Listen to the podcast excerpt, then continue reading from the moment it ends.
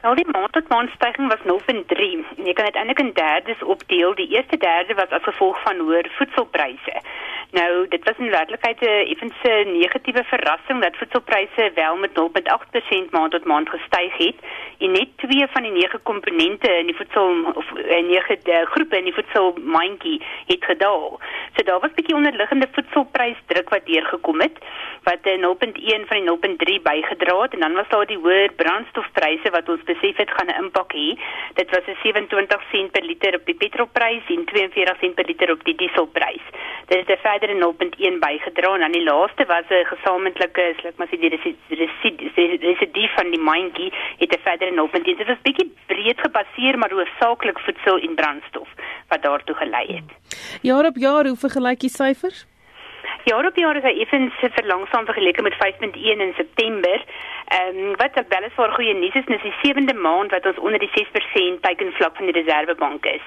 En ook as ons vorentoe kyk, jy weet dit is al 'n hele paar maande wat ons waarskynlik nog steeds, jy weet, gaan uh, onder die teikenvlak bly. So as mens werklik na die syfer kyk, is vandag se syfer 'n baie goeie een. Uh dis net jammer dat die konteks in terme van risiko's vir inflasie dit vir die Reservebank byvoorbeeld baie moeilik sal maak om nou rentekoerse te sny.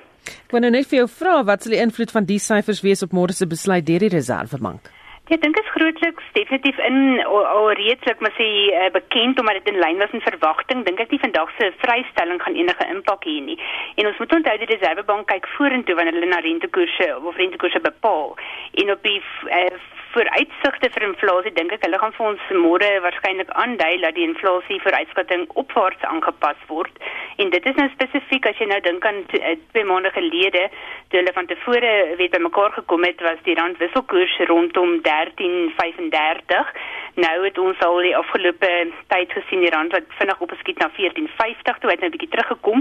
Maar daar's definitief 'n swakker rand jy weet wat die syfer opdruk en dan ook 'n baie hoër olieprys jy weet as jy kyk na die reservebank se huidige oliepryse vooruitskatting verwag hulle gemiddeld vir die jaar van 52 dollar per barrel.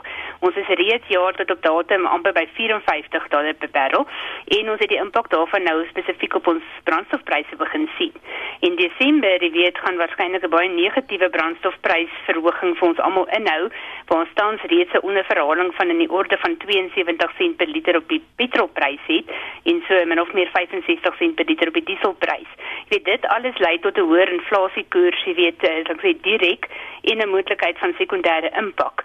En dan nou daarmee saam, jy weet dit ons tans nog die onsekerheid op twee vlakke. Die een is die moontlike afgradering, eh, eh kredietafgradering wat ons hier Vrydag meer van sal weet, as ook die NERSA elektrisiteitsprys eh bepaling wat ons rondom 7 Desember sal weet hoeveel gaan elektrisiteitspryse styg volgende jaar. So daar word die onsekerheid rondom moontlike verdere opwaartse druk op inflasie sal waarskynlik veroorsaak dat die Reservebank net die koerse onveranderd sal los by hulle vergadering.